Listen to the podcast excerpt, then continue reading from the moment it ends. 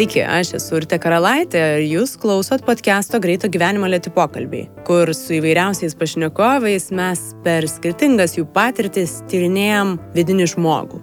Jei podcast'ą užklydot pirmą kartą, kviečiu paklausyti ir kitų nemažiau įdomų pokalbių, kurie išeina kas antrą trečiadienį, o visus juos rasti Spotify, iTunes, kitose programėlėse bei karalaitė.com pasvirasis brūkšnys podcastas. Podcast'o pokalbius nuo šiol galite girdėti ir radio stoties Start FM eteryje kas antrą trečiadienį 7 val. ryte. O Start FM klausykit Vilniuje FM dažniu 94,2 arba startfm.lt. O šiandien kalbuosi su religijos sociologe Milda Lišauskienė. Man labai norėjosi pakalbėti apie religijas ir jų santykių su žmogumi plačiau ir apie šiandieną su Milda sutarėm, kad tokių pokalbių, pasvarstymų ir diskusijų iš tiesų trūksta. Galima pastebėti, kad visuomeniai tarsi kažko truputį baiminamasi, kalbant apie religijas. Tai šitas podcastas būtent ir yra, man atrodo, ta terpė, kur norisi diskutuoti, norisi kalbėti, pažiūrėti iš įvairių pusių ir formuotis savo kažkokią tai kryptį. Kaip visada, podcastas įrašytas Vilniaus universiteto radijos stoties StartFM studijai. Pokalbių garso kokybė rūpinasi garso reklamos studija Drop Audio, o podcast'o kūrimą dalinai finansuoja Spaudos, radio ir televizijos remimo fondas bei Benedikto Gylio fondas. Ačiū visiems, kas prisidedat, nes tik taip pokalbiai gali sklisti ir būti naudingi mums visiems. O jei norėtum prie podcast'o gyvavimo prisidėti ir tu, Tai kas mėnesinė suma gali padaryti patreon.com pasvirasis brūkšnys lėti pokalbiai. O dabar šokim pokalbį su Milda. Gerą klausimą.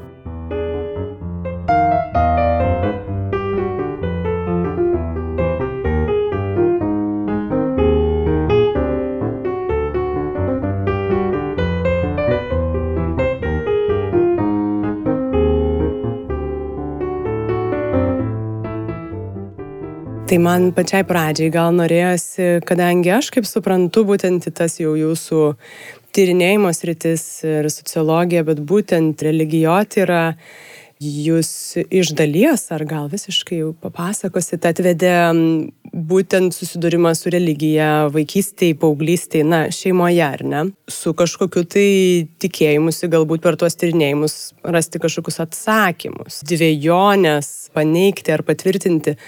Tai man įdomu, kas vaikui, paaugliui pradėjo kelti dviejonių toje religiniai praktikoje, kuri paprastai mums būna gana natūrali, jeigu taip vat vyksta mūsų šeimoje, kokia ten religija bebūtų, mes priimam kaip įprasta. Tai gal vat, tom, nežinau, ar dviejonėm, ar tais klaustukais norėtųsi pasidalinti. Taip, jūs teisi. Viena iš priežasčių, kodėl aš pradėjau tyrinėti religiją ir jos vaidmenį visuomenėje, buvo tai, kad aš turėjau tam tikrų vaikystėje patirčių kodėl tos patirtis man buvo įdomios ir kodėl jos man kėlė klausimų, tai visų pirma todėl, kad aš vaikystėje iš pradžių nepatyriau religijos. O vėliau mano artimiems žmonėms išgyvenus atsivertimo procesą, nori nenori kaip vaikas, tampi ir to gyvenimo dalimi. Turėjau galimybę palyginti, ką reiškia vaikystėje gyventi be religijos ir ką reiškia vaikystėje gyventi su labai intensyviai praktikuojama religija. Man iš tiesų kėlė tai klausimų ir kuo labiau aš brendau, augau, tuo tų klausimų kilo daugiau.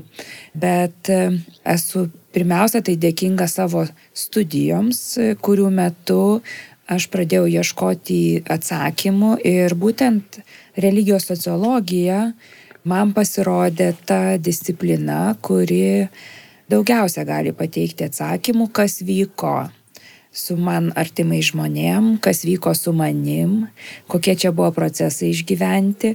Taip pat, kadangi mano vaikystę aš praleidau vėlyvuoju sovietmečiu, tai reiškia, kad aš taip pat išgyvenau visą socialinės ir politinės santvarkos virsmą, tai neišvengiamai tai taip pat darė įtaką religiniam gyvenimui, ne tik tai mano šeimoje, bet taip pat ir plačiau visuomenėje kas vėlgi man suteikia labai daug minčių, kurias vėliau savo tyrimuose aš ir pabandžiau analizuoti, būtent remdamasi sociologų teoretikų darbais, analizuodama tai, kas vyko panašių metų kitose pokomunistinėse visuomenėse.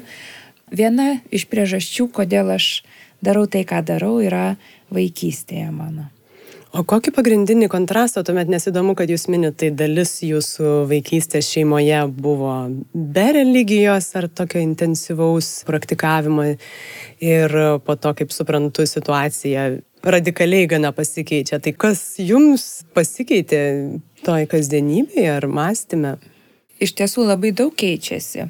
Man teko gyventi iš pradžių šeimoje, kuri, na, praktikavo tokį, sakykime, tradicinį religinį gyvenimą, ar ne, į bažnyčią buvo einama progomis tam tikromis, tai arba per šventes, arba per laidotuvės, ar ne, kadangi tai buvo dar sovietmetis, tai ir vestuvinė labai vyko. Ir per šventes vėlgi to ėjimo buvo minimaliai, aš tik prisimenu, kad mane mano prosenelės vesdavosi į mišes. Tada po šito atsivertimo mano artimų žmonių religija, na, jinai įsiveržė tiesiog į kasdienybę. Ką tai reiškia vaikui matyti, kada tu esi prie stalo, turi žegnotis ar ne, ką reiškia, kada tu turi melstis kiekvieną vakarą, kada tu eini į bažnyčią kiekvieną sekmadienį, kada tu, na tikrai tas religingumas tampa labai intensyvus ir suaugę žmonės galvoja, kad tai yra visiškai turbūt paprasta vaikui, bet, na, tai nėra labai paprasta. Tai iš tiesų ir jo labiau, kada vaikas yra matęs kitokio gyvenimo ir kita vertus, kada vaikas bręsta, ar ne, ir auga ir keičiasi jo santykis su saugusiais žmonėms, su jam artimai žmonėm ir dar tame santykė atsiranda religija, tai tikrai, tikrai viskas žymiai labiau komplikuojasi. Tada jau norėtųsi gal pažiūrėti į dabartį ir į jūsų tyrinėjimas rytis. Visgi, kodėl žmonės tiki, man yra labai įdomus, nors ir turbūt labai platus ir abstraktus klausimas. Nežinau, ar tai kultūriškai skiriasi tos priežastys, tai gal, gal jūs galėtumėte ir plačiau pažiūrėti, jeigu norisi kažkur ir susiaurinti. Tikėjimas, religija pateikia tam tikrus atsakymus į žmonių egzistencinius, ontologinius klausimus. Taip pat suteikia tam tikrą tvarką, tam tikrą paaiškinimą kasdienybei mūsų dalis žmonių ieško būtent šito įprasminimo kasdienybės ir įprasminimo savo būties religijoje. Yra žmonių dalis, kurie neieško religijoje šito įprasminimo, galbūt jie ieško kitokiose gyvenimo savo srityse, bet e, žiūrėdami į pasaulio religinį žemėlapį mes matome, kad dauguma žmonių vis dėlto ieško šito paaiškinimo religijoje ir taip jūs teisi, kad religija yra kultūros dalis. Tai mes esame socializuojami į savo visuomenės kultūrą ir į religiją tuo pačiu. Klausimas tik tai po to, kiek kiekvienas žmogus asmeniškai jisai analizuoja ir reflektuoja tai, kiek jisai perima tos religijos, taip nekvestionuodamas, sakykime, ar jisai gyvenimo bėgyje kažkaip tai kitaip pasižiūri. Sociologai sako, kad religinis gyvenimas keičiasi gyvenimo tiekmėje. Tai reiškia, kad gali būti gyvenimo etapų, kada yra mažiau žmogus religingas, gali būti, kada suintensyvėjo religingumas. Religingumą aš turiu menį ne vien tik tikėjimą, tai yra tikėjimas ir praktikos. Ir tokia, na, grinai jau tos praktikos ne vien tik tai maldos, bet ir tokios, dažnai mes neįvertinam jų svarbos, bet tokios kasdienybės praktikos, kaip pavyzdžiui apranga, maitinimasis ar ne Lietuvoje visą laiką duodu pavyzdį, kaip, pavyzdžiui, laikymasis kažkokiu tai mytybos suvaržymų penktadieniais, tarkim, ar ne. Taip, tai yra svarbu tikintiems, praktikuojantiems katalikams.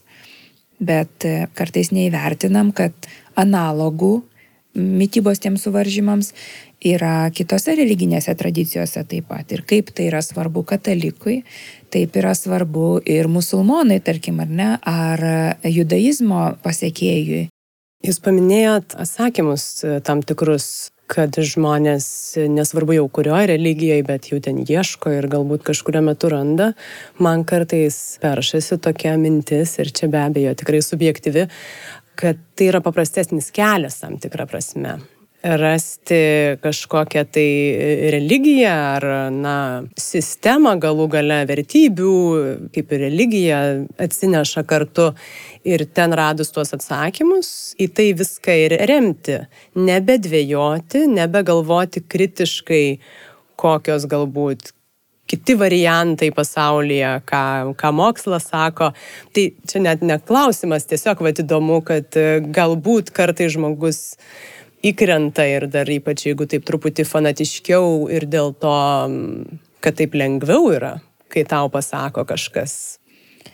Galima taip vertinti iš tiesų, kad daliai žmonių reikalingos yra tam tikros gairės gyvenime, ne? Ir jisai nėra linkęs eksperimentuoti, nėra linkęs, tarkim, ieškoti kažkokių tai naujovių. Tai be abejo, tas šio laikinio religinio gyvenimo paveikslas jis yra labai įvairus ir mes matom, kad, pažiūrėjau, yra dalis žmonių, kurie įsipareigoja vienai religiniai tradicijai ir, ir laikosi tos tradicijos ir nekvestionuoja. Yra tokie, kurie net tuos įprastai besilaikančius religinės tradicijos nustebina, laikydamiesi itin kruopščiai vienos ar kitos religinės tradicijos pažodžiui, tarkim, interpretuodami ten šventą įraštą ar ne, čia kalbu apie religinius fundamentalistus. Bet yra taip pat žmonių, kurie ieško nuolatos. Mes e, susidurėme su tam tikra grupė žmonių, kurie yra vadinami dvasiniais ieškotojais, kurie vaikšto per įvairias religinės, dvasinės praktikas, praktikuojančias grupės ir renkasi, kas jiems yra aktualu tam laikotarpiui, galbūt, o galbūt ir visam gyvenimui. Galbūt jie bando net ir kažkaip tai dėti kartu vienu su kitu elementus įvairių religinių tradicijų. Tai ta įvairovė yra labai plati ir negali pasakyti, kad na kažkokia tai viena grupė dominuoja. Turbūt e, mano tas pastebėjimas prieš tai būtų toks labiau gal skirtas radikaliai į religiją konkrečią žiūrintiems e, jau visą gyvenimą atsidavusiems ir čia galima ir, ir į tolimą, ir artimą istoriją pažiūrėti, kad religijos kiršina žmonės. Viena iš priežasčių tikrai Vat čia, ką jūs minit, kad yra žmonių, kurie labai plačiai ir truputį į vieną religiją ir į kitą iššoka. Tai galvojant apie, na jau tuos rimtus konfliktus kylančius ir dabar pasaulyje, visgi tai yra kalba apie tą labai siaurą ir labai kryptingą pasirinkimą vienos ir, ir nebandymą suprasti ar net toleruoti kitos. Ir tada įdomu, kodėl žmogui ir kai kuriais atvejais jau ir dideliai žmonių grupiai ir visuomeniai ar valstybei kažkuom taip parankus yra toks siauras ir apribojantis vienu stabu galbūt ar įstatymų rinkiniu būtent tokia kryptis. Aš sakyčiau, kad mes čia kalbam turbūt apie religijos tapsmą ideologiją, kada jinai yra naudojama politikoje, ar ne? Problema šitoj vietoje atsiranda tuo met, kai būtent religijos ir politikos skirtis ištirpsta, religijos ir valstybės skirtis ištirpsta. Ir tokiu atveju dažnai, aš net sakyčiau, religijos vardu yra daromi dalykai, kurie ne visiems tikintiesiems toli gražu yra priimtini. Ir jeigu mes, pavyzdžiui, dabar kalbėtume apie dažnai net ir, ir viešoje erdvėje eskaluojama, sakykime, čia tą kažkokį liktai civilizacijų konfliktą, liktai rytų vakarų kažkokius konfliktus, ar ne, liktai čia na, kalbama apie tai, kad islamas kažkaip labai veržėsi čia į vakarų teritorijas, neva ir taip toliau. Tai aš manau, kad mes gana nekritiškai vertinam, kas stovi, tarkim, už tokių pasakymų ir ką mes matom. Nes jeigu mes matom kažkokią tai grupuotę, vieną ar kitą veikiančią, kaip jie sako, kažkokios tai religinės tradicijos vardu, tai dažniausiai jinai sudaro labai mažą grupę apskritai toje religinėje tradicijoje. Tarkim, na, čia konkrečiai kalbu apie islamo valstybę ir, ir apskritai islamo religiją, kurios net nebegalime jau vadinti viena kažkokia tai religija, tiesiog yra daugybė įvairių islamų, kurie sunkiai leidžia mums apibendrinimus kažkokius tai daryti. Homogenizacija, bandymas paversti visuomenę vienalytę vienu ar kitu aspektu yra, yra dažniausiai na, socialinis tam tikras eksperimentas, kuris retai kada baigėsi sėkme. Apskritai man nėra tekę susidurti su tokio proceso sėkmingais atvejais. Tiesiog tai yra neįmanoma, neišvengiamai visuomenė yra įvairi ir bandymas primesti vieną ar kitą ideologiją ir jos pagrindų sukurti kažkokią tai kitokią visuomenę, jis yra pasmerktas nesėkmiai. Galima kažkokiam tai baudžiamosiomis priemonėmis žmonių raišką kasdienybėje apriboti, tarkim, kultūrinę kažkokią raišką ar nereliginę raišką, bet tokio vaizdo išlaikymui reikės labai daug dėti pastangų. Tiesiog valstybei tai labai brangiai kainuos, jeigu jie bandys paversti visuomenę homogenišką grįžtant prie tos minties apie religijas, aš tiesiog manau, kad daug ką mes matom šio laikinėse visuomenėse yra tam tikri bandymai pasinaudoti viena vertus religiją arba nepagristai didelę įtaką visuomenėse įgyjusių religinių organizacijų bandymai išlaikyti savo įtaką arba tą vaidmenį vienoje ar kitoje visuomenėje ar valstybei. Nėra vieno kažkokio tai paaiškinimo, sakyčiau. Čia galima ir Lietuvą žvilgtelti, nesinori labai politikas lysti, bet jūs minit tą tokį jau glaudų ryšį ir kitais atvejais politikos ir religijos ir čia kažkokios rizikos galbūt atsiranda.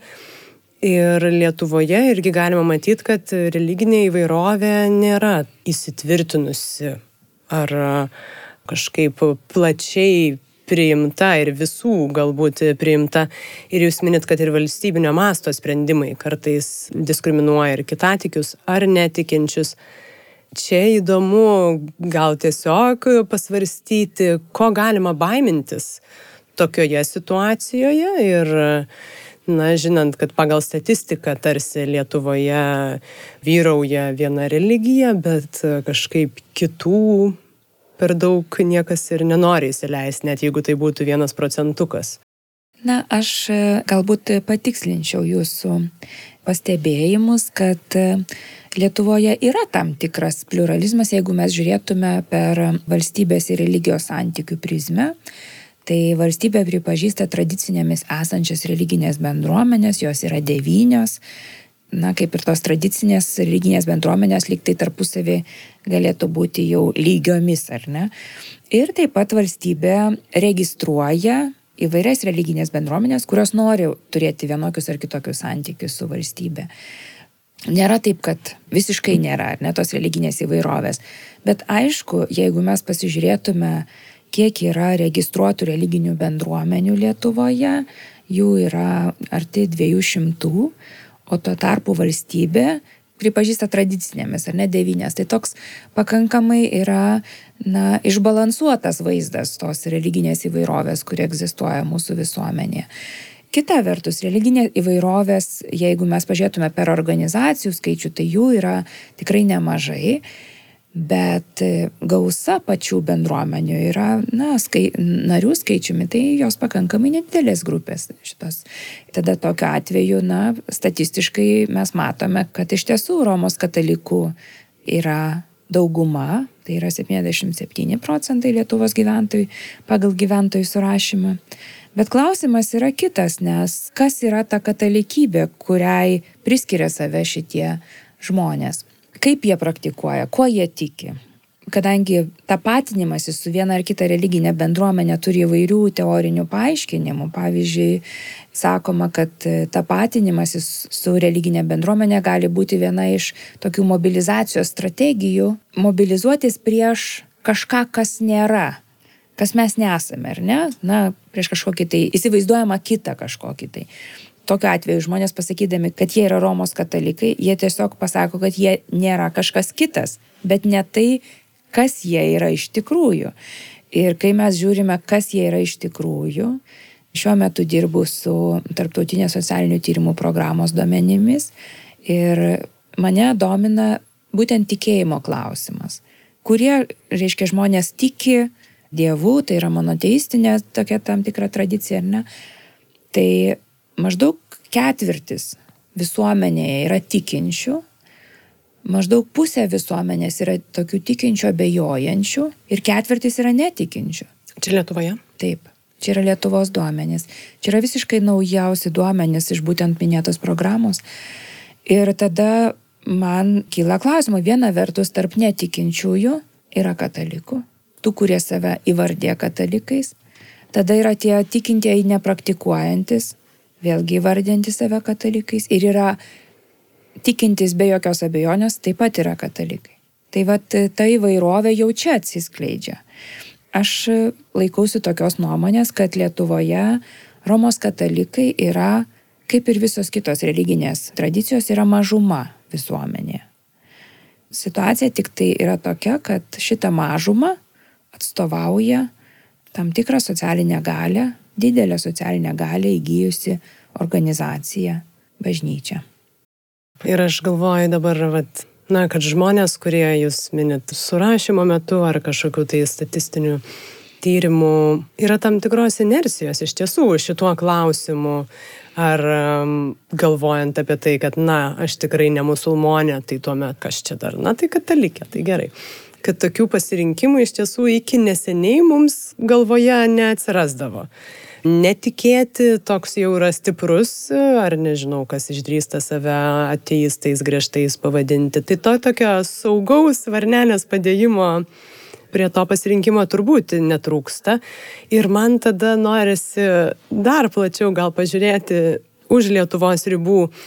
Bendrai, čia jau truputį grįžtant vėl į pradžią, kai kalbėjom, kodėl žmonės tiki ir ką ten randa ko žmogui trūktų, jeigu religijos visai nebūtų susiformavę. Visose kultūrose, žiūrint, čia irgi įdomu, ar visose religijose žmogus randa daug maž tą patį, na, kažkokį saugumą atsakymus mokytoje. Ir kokia padėtis, na, čia galima pafantazuoti, tiesiog galėtų būti be vat, tų visų religijų susiformavimo. Na, sociologai sako, kad religija visų pirma atlieka tam tikras funkcijas. Ir tada jeigu religija nebeatlieka savo tų funkcijų, o viena iš tų funkcijų yra, kad jinai apjungia bendruomenės, viena vertus atsako į klausimus, bet taip pat apjungia bendruomenės. Leidžia parodyti, kas yra gera, bloga ar ne religija. Jeigu jinai šitų funkcijų netlieka, visuomenėje atsiranda kitas socialinis institutas, kuris atlieka šitas funkcijas, nes tos funkcijos iš principo yra būtinos kad kažkas jas atliktų. O būtinas, atsiprašau, dėl tokio žmogiško poreikio Na, galbūt taip, daug. Taip, mhm. taip, tiesiog žmogui reikia atsakymų į tos tokius klausimus, ar ne, apie jo būti ir egzistenciją, taip pat va to tokios va vienybės jausmo.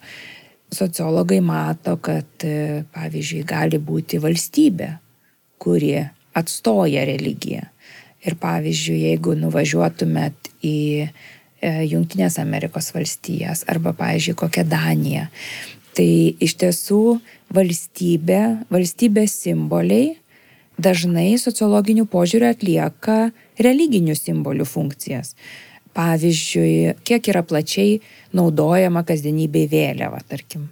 Tiek, pavyzdžiui, Junktinėse valstijose, tiek Danijoje. Tai Danijoje, jeigu va, klausytojas nežino, galiu pasakyti, kad, pavyzdžiui, kiekvieno gimtadienio metu žmogus savo namus puošia Danijos vėliavomis, Danijos vėliava atsiranda ant torto, reiškia ir yra, na, valstybės simbolis yra naudojamas asmeninėme žmogaus gyvenime.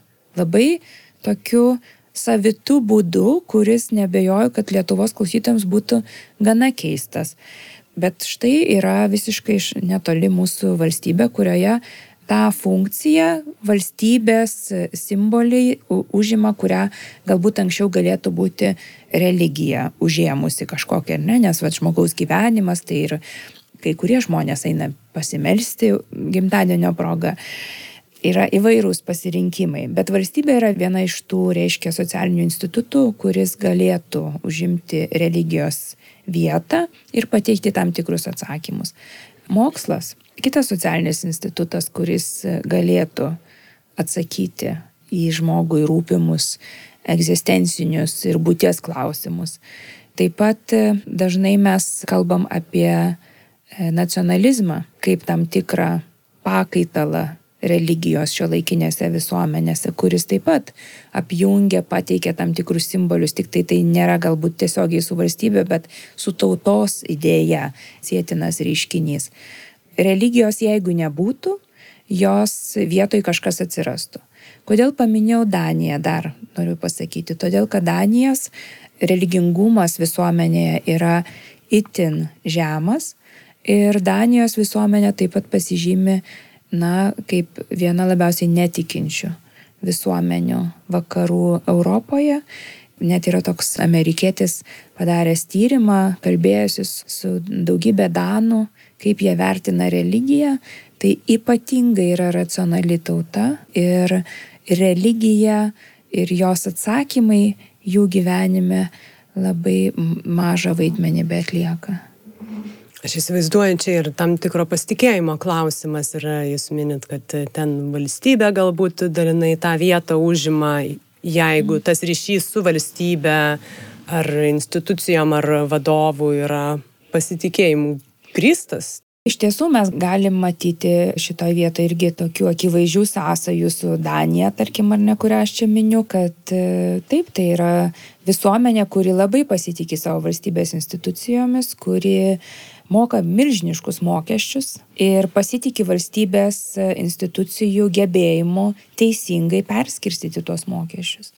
Vienam um, jūsų pokalbėje irgi girdėjau jūsų mintį, kad uh, žmogus ar žmonės irgi daro įtaką religijos formavimuisi ir jūs ten minėjot ir kažkokią tai religijos atšaką Amerikoje kimusio Jėzaus. Ir aš esu susidūrus su nemažai religijų Meksikoje, kur jie patys rankiniu būdu praktiškai katalikybę su savo senosiam religijom sumaišo ir dar Coca-Cola ir kažkokius kitus visiškai šių dienų produktus įveda čia įdomu, kaip jau patys žmonės iš tiesų formuoja ją.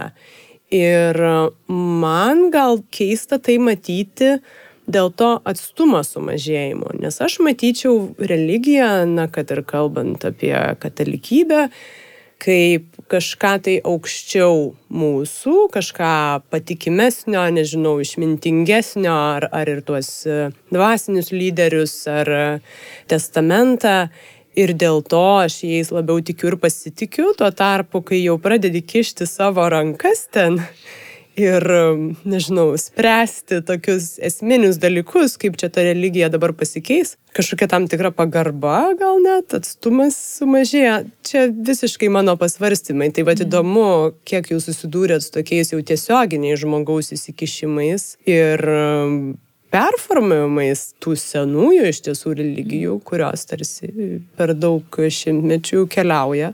Tai žinot, gali būti toks ir sąmoningas bandymas keisti, o gali būti ir bandymas keisti, bet nenumatant pasiekmių.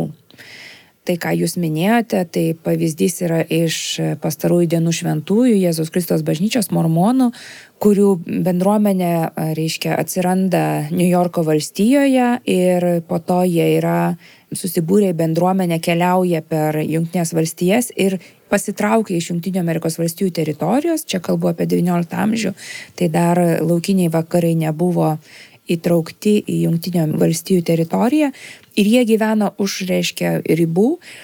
Bet aišku, susibūrę gyvendami, jie supranta, kad dėl politinių, ekonominių priežasčių jiems reikia būti Junktinio Amerikos valstijų dalimi. Ir tada prasidėjus dėryboms, tampa aišku, kad pagrindinė priežastis, kodėl šita teritorija, kurioje gyvena mormonai, negali tapti Junktinių valstijų dalimi, yra todėl, kad jie praktikuoja poligamiją. Todėl, kad Junktinės valstijos, remdamosis tokią judėjo krikščionišką tradiciją, nepripažįsta poligamijos, o šita bendruomenė pripažįsta poligamiją ir tiesiog bendruomenė turėjo spręsti, ką daryti tokiu atveju. Po ilgų svarstymų ir aukščiausia bendruomenės galva nusprendė atsisakyti poligamijos. Tai čia yra toks pokytis, kuris labai svarbus tai bažnyčiai buvo ir kuris, na, lėmė tam tikrą schizmą bendruomenėje, atsirado bendruomenės, kurios išliko su to poligamijos tikėjimu ir praktikavimu, o dalis, dauguma priėmė šitus pokyčius. Tai tas žmogus, vadovas, kiek man teko skaityti, jisai teigia, kad jisai gavo viziją matė viziją, kurios metu jisai, reiškia, buvo paskatintas atsisakyti tos poligamijos. Bet e, tai turėjo ir tam tikrą kontekstą, nes buvo kalbama apie tapimą Junktinių valstijų teritoriją. Na, paminėtinas pavyzdžiui caro Petro pirmojo religinės reformos, ar ne, kada politinis politinis lyderis bando reformuoti stačiatikių bažnyčią ir vėlgi turime skirti tarp stačiatikių bažnyčios ir sentikių bažnyčios, ar ne? Martinas Liuteris, katalikų bažnyčia, katalikų bažnyčios kunigas ir vienuolis nori atnaujinti bažnyčios mokymą, kviečia atsisakyti indulgencijų. Kuo visa tai baigėsi? Reformacija, bet jau už bažnyčios ribų. Iškiai jisai pradėdamas šitą diskusiją, tai buvo diskusija skirta bažnyčios vidui, bet e, neįsitraukus bažnyčiai šitą diskusiją su Martinu Liuteriu, jam teko palikti bažnyčią ir atsisakyti ir, ir savo vienolystės, ir kunigystės, ir tiesiog nauja, nauja religija atsiranda tam tikrą prasme. Jūs minit keletą dabar dvasinių lyderių ir čia gal norėtųsi ir truputį ir plačiau pažiūrėti. Man įdomus toks, na taip tiesiai, šviesiai pasakius, asmens sudėvinimo toks klausimas. Čia ir politikoje, ir įvairiose santvarkose galima tą matyti. Ir nežinau, kiek sociologija į tai pažiūri, bet vat, kodėl žmogus linkęs yra turėti kažką aukščiau savęs. Ir vat, kaip mes pradžioj kalbėjom, kad kažkas tarsi gal padėtų tuos atsakymus rasti ar gairias, ar, ar lengvesnius sprendimus, autoritetą. Taip, ir kuris, na, tam tikrą prasme už jį darytų sprendimus. Tai čia gal galima plačiau pažiūrėti, jeigu ne, tai tik religijoje. Kodėl tie konkretūs dvasiniai lyderiai ir va, tų visų atšakų ir esu girdėjus ir šiom dienom besikūrenčių, ką jau kalbėt apie socialinės medijas, kur ir influenceriai jau tampa labai ant ribos galbūt irgi to sudėvinimo. Mes sociologiškai, kai analizuojam šitą reiškinį, tai kalbam apie tam tikrus charizmatinius lyderius, kurie įkvepia kažkokias tai mines žmonių ar ne, kritinę masę, kuri galiausiai juo paseka. Na, viena vertus, tas žmogus turi turėti kažkokių tai ypatingų savybių, kad jį atkreiptų dėmesį. Toli gražu ne visiems tos savybės yra priimtinos, vieniems labiau priimtinoms, kitiems visai nepriimtinos. Taip pat turi būti tam tikras kontekstas, kuriame tas lyderis veikia. Nes pavyzdžiui, jeigu mes kalbėtume apie patį Jėzų Kristų, tarkim, ne, krikščionybės pradininką, bet kuris istorikas jums pasakytų, kad tuo metu toje geografinėje teritorijoje, kuri buvo Romos imperijos dalimi, veikė ir vaikščio daugybė įvairių žmonių, kurie save vadino pranašais. Bet e, dėl tam tikrų priežasčių tik vienas iki šiol yra minimas, ar ne? Kiti kažkur tai yra išnykę. Tai vat, yra jo asmeninės savybės, jo žinia, žinios, reiškia ir to mokymo aktualumas tiems laikams ir galbūt tolesniems ir pats kontekstas, kuriame veikia. Ne vienas veiksnys lemia, kad žmogus tampa kažkokiu tai autoritetu ir gali patraukti tam tikrą kritinę masę, kuri vėliau išsivysto į religinį judėjimą, o vėliau galbūt ir tampa tam, tikra, na, tam tikros religinės tradicijos pradininkais. Aš tik tai galiu pasakyti, kad man kiek pačiai teko dalyvauti įvairiuose judėjimuose, žiūrint, kaip jau kaip dalyvaujančiai stebėtojai. Tai iš tiesų labai įdomu stebėti, kaip, na, sėdi priešais tave žmogus, kuris tūkstančiams yra įkvėpimo šaltinis, o, o tu supranti, kad tavęs visiškai neveikia. Visiškai ne, neužkabina nei jo žinutė, nei asmenybė, ar ne, nei, nei tai, kaip jisai elgėsi ir, ir tu supranti, kad tu tiesiog esi ne jokiam nesantykėje su šituo asmeniu, o šalia savęs matai tūkstančių žmonių, kurie yra tiesiog pasiruošę priimti bet kokį jo žodį ir net nekritiškai. Aš tik tai e, sakyčiau, kad e, autoriteto klausimas apskritai šio laikinėse visuomenėse yra pakitęs. Jeigu mes kalbėtume apie tradicinės visuomenės, tai tas autoriteto klausimas yra gana paprastas ir žmonėms reikia autoritetų. Bet tai, ką sociologai pastebi šio laikinėse visuomenėse, kad e, tas santykis su autoritetu jis yra pakitęs Ir dažniausiai autoritetas žmogui yra jis pats. Šiandien? Taip, būtent. Ir ypač mes tą matom religijos rytį. Jau Junktinėse Amerikos valstijose, kokiam 70-metyje daryti sociologiniai tyrimai, leidžia kalbėti apie tai, kad atsiranda visuomenėje grupė žmonių, kurie kalba apie tai, kad autoritetas yra jame pačiame jie aišku taip, žinot, nekalba mokslinė kalba, bet jie sako, pavyzdžiui, jeigu jo klausi, koks jūsų yra santykis su Dievu arba su, su religija, pavyzdžiui, tokia tyrimė dalyvavusi medicinos sesuo Šeila, jinai sako, kad e, Dievas yra manyje, mano mažytis aš, kuris, reiškia, man pasako gerai ar tai blogai ir, ir kaip turėtų būti ir kas bus po to. Tai mano minėto tyrimo e, vadovas Robertas Bela, jis įrašė, sako, mes turime naują religiją, šeilaizmą. Šeilaizmas reiškia, kada tu turi Dievą savyje ir pagal jį susikonstruoji savo religinę sistemą kuo tu tiki, kuo tu netiki, kaip tu praktikuoji savo tikėjimą ir taip toliau. Šitos tendencijos aptiktos Junktinėse Amerikos valstijose šiuo metu yra aptinkamos daugelie vakarų visuomenių ir aš manyčiau ir matau ir Lietuvoje šito reiškinio bruožus aptinkamus kasdienybėje.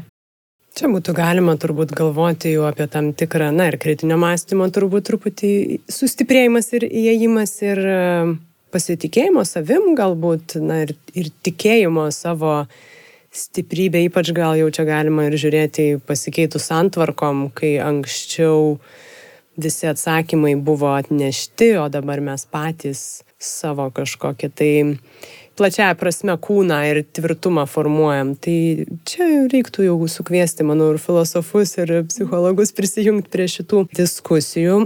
Man dar įdomu tada, vat, galvojant galbūt ir apie tokius žmonės, kurie netiki konkrečiomis jau suformuotomis religijomis, galima pastebėti, kad visgi žmonės atsargiai elgesi su religiniais terminais, net jeigu ir svetimais, ar atributika, stabais, juokauti šitom temom tarsi irgi nelabai galima.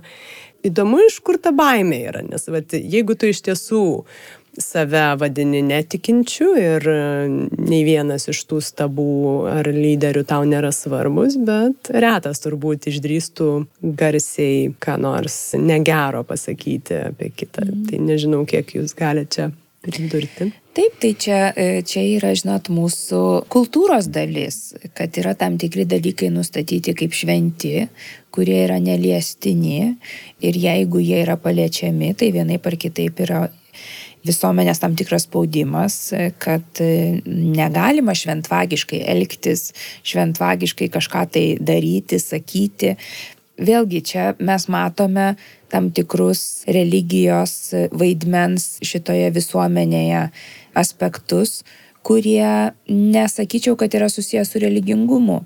Jie tiesiog yra kaip tam tikri papročiai, kaip tam tikros tradicijos perimtos, taip ir šitas skirstimas į tai, kad kažkas yra šventa, neliečiama, nekalbama apie tai, o kažkas arba kažkas yra nutylima, na, matom, kad yra kalbėjimas, pažiūrėjau, apie religiją, ar ne, jisai toks yra ribotas, nes apie šventus dalykus kažkokiu tai, na, stengiamasi nekalbėti. Apie seksą taip pat nekalbama.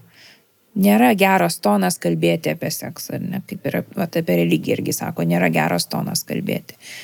Bet, na, ką rodo šio laikinių sociologų išvalgos, kad tas apribojimas to viešo diskurso ir nekalbėjimas apie tokias temas nuskurdina mūsų visuomenę, ta prasme, kad mes apskritai nebegalim kalbėti ir tampam nebeatsparus tam tikriems dalykams sėtinėms, tarkim, su religija. E, ką turiu omenyje? Kai mes nebekalbam apie religiją, mes nebeišvystome visuomenę, nebediskutuojame, kas yra religija, kokį vaidmenį jinai atlieka prarandame tam tikrą tokį jautrumą atpažinimui religinių reiškinių. Apribojame savo žvilgsnį tik tai tam vieninteliam tokiam įnormintam religijos supratimui. Ir iš tiesų atsidūrus prieš kažkokį tai naują religinį reiškinį, kurį mokslininkai jau yra kitose visuomenėse ištyrinėję skersai išilgai ir viskas yra žinoma, staiga pas mus yra sutrinkama, nes tai netitinka to visuomenė nusistovėjusi religijos, reiškia, įsivaizdavimo ir diskusijos apie jos yra, na, tokios labai e, ribotos, ta prasme, arba jie patenka į tą reiškinį, arba nepatenka į tą reiškinį. O jeigu nepatenka į tą reiškinį, tai greičiausiai yra kažkokie tai nukrypstantis nuo normos ir todėl smerktini, nepriimtini. Tai čia, sakyčiau, yra toksai vienas tas pavyzdys, apie kurį daug esu kalbėjusi, tai yra Romuvos bendruomenės pripažinimas. Ir akivaizdu, kad šitoj vietoje būtent mes susidūrėme su to tokiu viešu diskursu, kad religija tai yra krikščionybė, o staiga atėjusi kita tradicija, kita religinė bendruomenė jau yra aiškiai brėžiama riba, sakoma, kad tai nėra, arba tai nėra religija, tai yra kažkokia kultūrinė bendruomenė, arba tai yra dar kažkoks ten politinis projektas ar dar kažkas, bet ne tai, kas yra religija mūsų šitam bendram tokiam meta įsivaizdavime. Aš įsivaizduoju čia ir jaunam, ir nebūtinai žmogui, kuriam iš tiesų kyla klausimų ir gal kontroversiškų klausimų religijos ar Dievo temomis, nebūtinai žmogus išdrįsta juos kelti, kaip jūs dabar sakot, kad ar tos diskusijos, ar tokio kalbėjimuose apie religiją plačiai, jeigu nėra, nes yra kalbėjimas tik toks, koks turi būti, tai tuomet aš irgi įsivaizduoju, kad gali būti žmonės, kurie taip ir e, lieka su savo tokiais neteisingais klausimais, neatsakė jų. Bet aš noriu tuomet, kadangi jau jūs paminėjote, aš tokį klausimą turėjau apie religiją ir seksą pakalbėti. Taip, man iškart kažkaip suskambėjo šita tema, aš dar nežinau, kaip prie jos prieiti, dar šiandien bandžiau kažką skaitinėtis, ką mokslininkai apie tai sako, bet truputį platu. Tai yra faktas, kad kartu skamba labai keistai. Mums vis tiek mūsų visuomeniai labiausiai jau pažįstamoji katalikybei seksas tarsi iš vis neegzistuoja, mano žiniomis. Ir tuomet galvojant apie vis tiek visuomenės, na, edukacija, religija yra viena iš tų edukacijos formų, kaip tokio atstumo sukūrimas veikia žmogaus ir jo seksualumo ar seksualinio gyvenimo santyki bendrai kai tavo, na jau nesvarbu, ar tu esi labai tikintis, ar, ar varnelę tik padėjęs, bet tos vertybinės ir moralinės nuostatos atneštos su ta religija tau tarsi sako, kad nėra to iš viso galbūt. Kaip jūs matot, vat, tokį mhm, atotrukį tam mhm. tikrą? Na taip, religija iš tiesų įsiskverbia į visas žmogaus gyvenimo sritis Ir lytiniai santykiai taip pat yra ta dalis, kurios reguliavimu užsiema religija. Tai įvairios religiniuose tradicijose yra įvairūs paaiškinimai, kam yra skirti lytiniai santykiai. Vienos apsiriboja tuo, kad jie yra skirti tik prokreacijai, kitos sako, kad lytiniai santykiai tarp sutoktinių galimi siekiant malonumo, kitos sako, kad lytiniai santykiai tik tai tarp sutoktinių ir jau nebediferencijuoja, ar tai yra malonumui, ar tik tai ar prokreacijai. Kitos sako, kad iš viso, pavyzdžiui, galima būtų lytiniai santykiai be jokių apribojimų, ar ne, ir, ir jie yra skirti, tarkim, išlaisvinimui, libido ir taip toliau. Tai čia yra įvairūs, įvairios tradicijos įvairiai aiškina, bet kai mes kalbam apie katalikybę, viena vertus lytiniai santykiai tik tai santokoje galimi.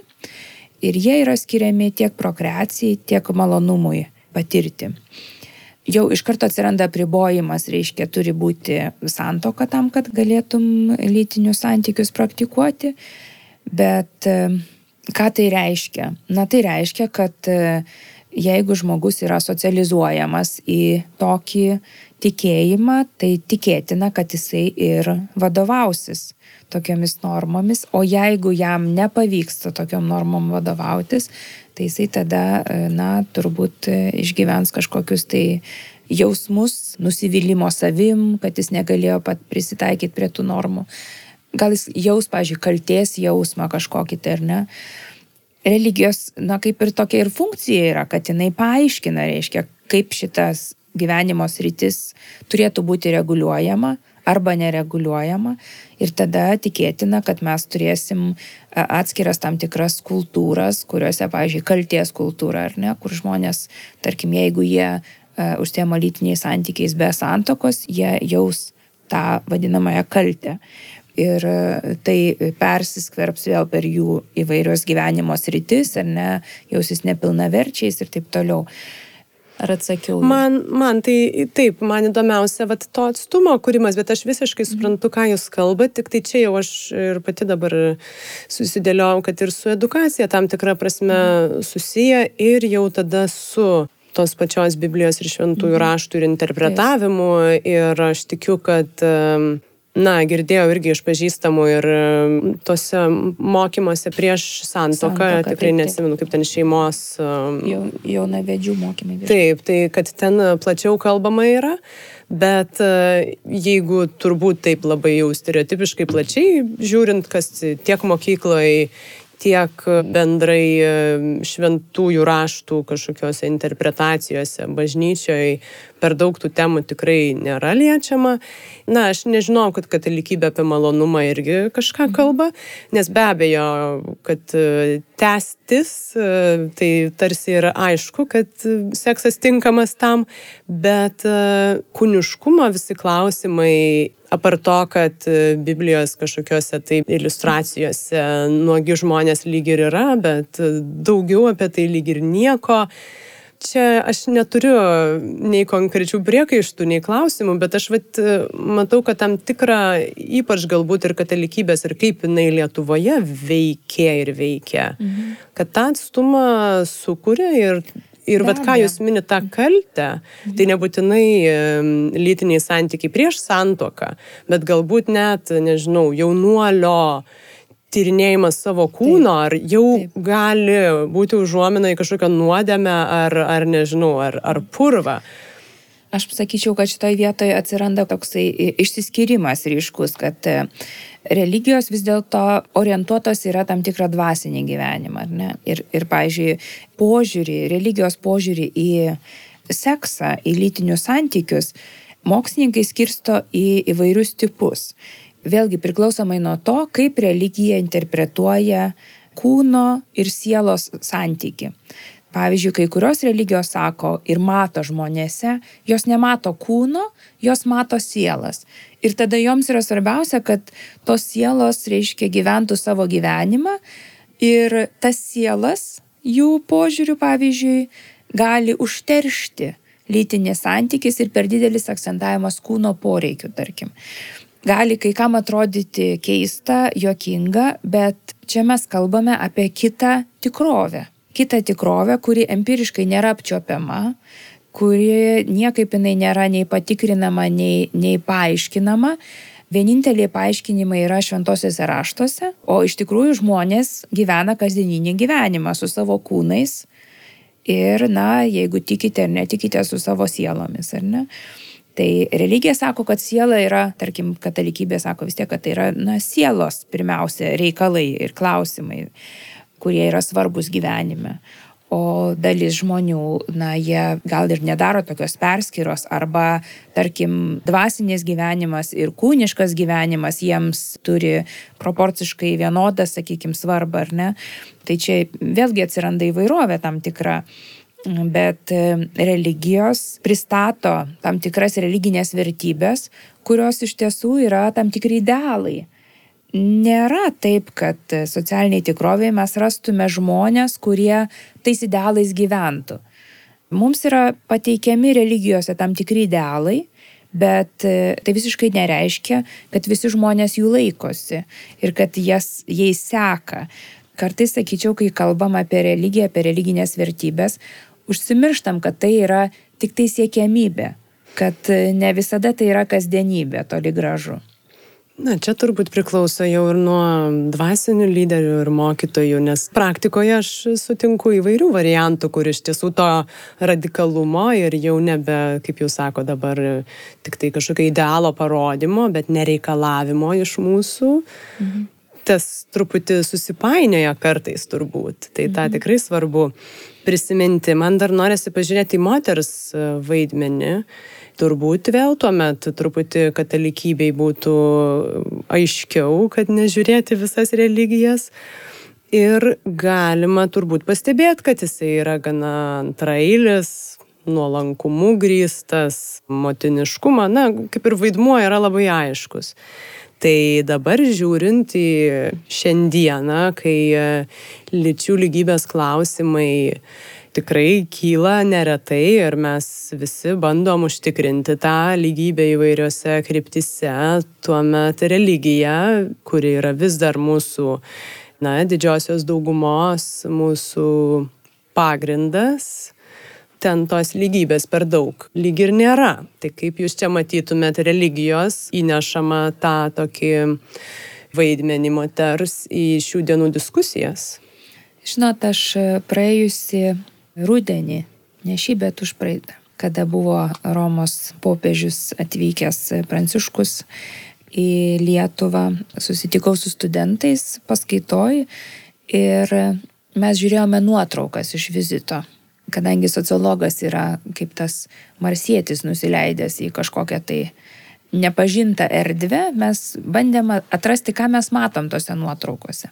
Ir ką mes matėme? Mes matėme daugybę vyrų, kurie sėdi ant paaukštinimo, ar ne? Mes matėme vyrus, kurie vadovauja kažkokiai ceremonijai. Mes matėme moteris kelias šonę, kurios kažką atneša į tą ceremoniją. Na ir paskui kelioms moteriams buvo leista skaityti kelias maldas. Tai iš tikrųjų tai buvo vyriškumo triumfas, sakyčiau, ar ne, tose ceremonijose. Ir mes su studentais tada va irgi taip konstatavom, kad, na, iš tiesų labai vyriška aplinka, stipriai vyriška aplinka. Ką mato žmonės, kurie žiūri šitas ceremonijas, tai vėlgi jie mato didžiąją dalimi vyrus. Ir, na, yra perdodamas toksai vaizdinys, kad vyrai čia vadovauja, vyrai čia žino, kas čia vyksta, vyrai žino, kaip turi būti Tai šita sistema vadinama yra patriarchalinė sistema. Tai be abejo, kad religijos ir būtent krikščionybė yra ta, kuri palaiko patriarchalinę visuomenės struktūrą, bet feminizmo iškilimo laikotarpį, aišku, susiduria su daugybė iššūkių. Jeigu įsivaizduom, kad lyčių lygybė gali pasiekti tokią vietą kaip Vatikanas, tai aš sakyčiau, kad greičiausiai turi įvykti kažkoksai tai e, turbūt nušvietimas, vizija, kaip kažkada tai Briamų Jangui, mormonų bažnyčios vadovui, kuris pakeistų iš principo, tą viziją, kuri leistų jam pakeisti iš principo bažnyčios struktūrą, kuri yra patriarchalinė. Ką dar aš praleidau ar atsakiau? Nieko turbūt nepraleidot. Nemanau, kad atsakysit tiksliai, ką jo, čia mums jo, dabar daryti. Ką čia mums daryti? Nu, nieko čia mes, aišku, ne. Kaip čia Vatikanui jo. parduoti dabar, nežinau, kitokį jo. moters įvaizdį? Tai jo, turbūt... tai aš tik tai galiu pasakyti, kad ta pati krikščionybė yra ne vienalytė šito klausimu, lyčių lygybės klausimu.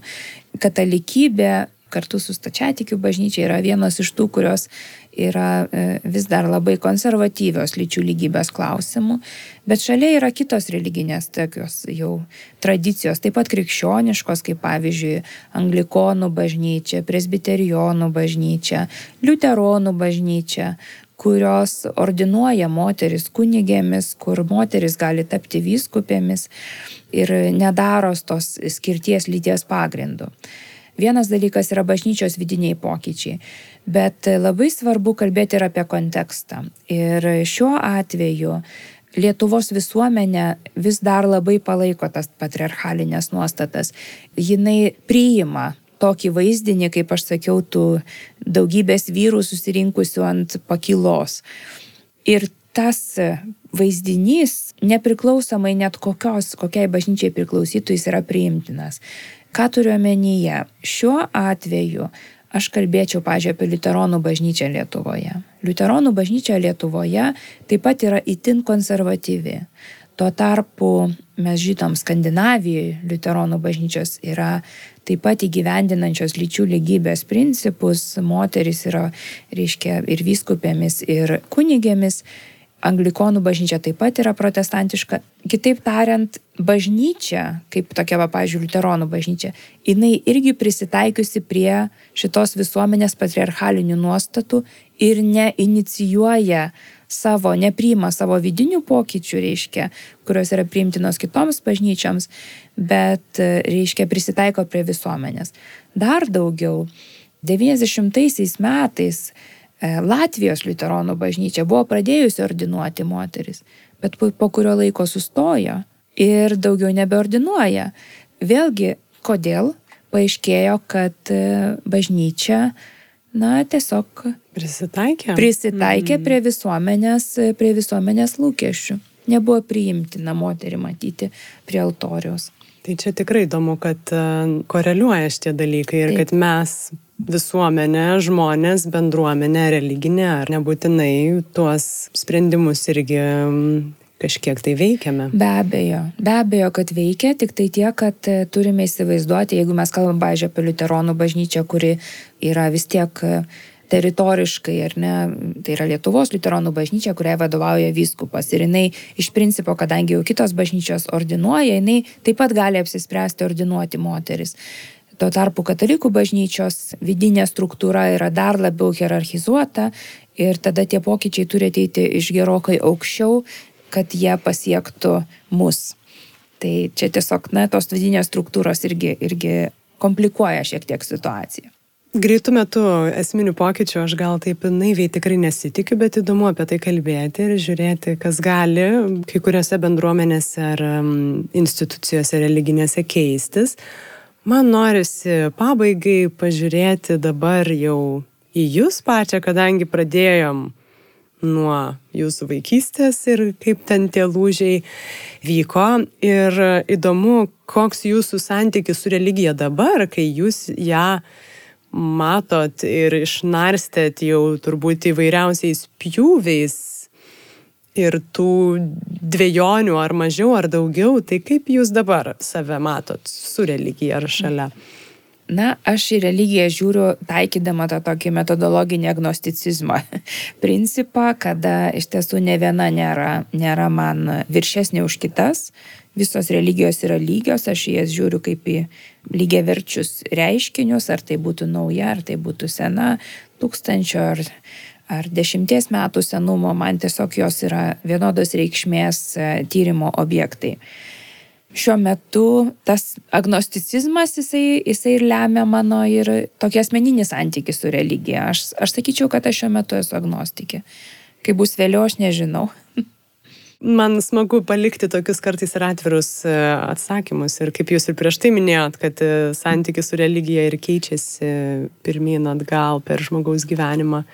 Dėkui, Milda, už daug e, įvairių pažiūrėjimų skirtingų į religijas, kurios mums atrodo tiek artimos, tiek tolimos ir nebūtinai labai pažįstamos. Ačiū už pakvietimą.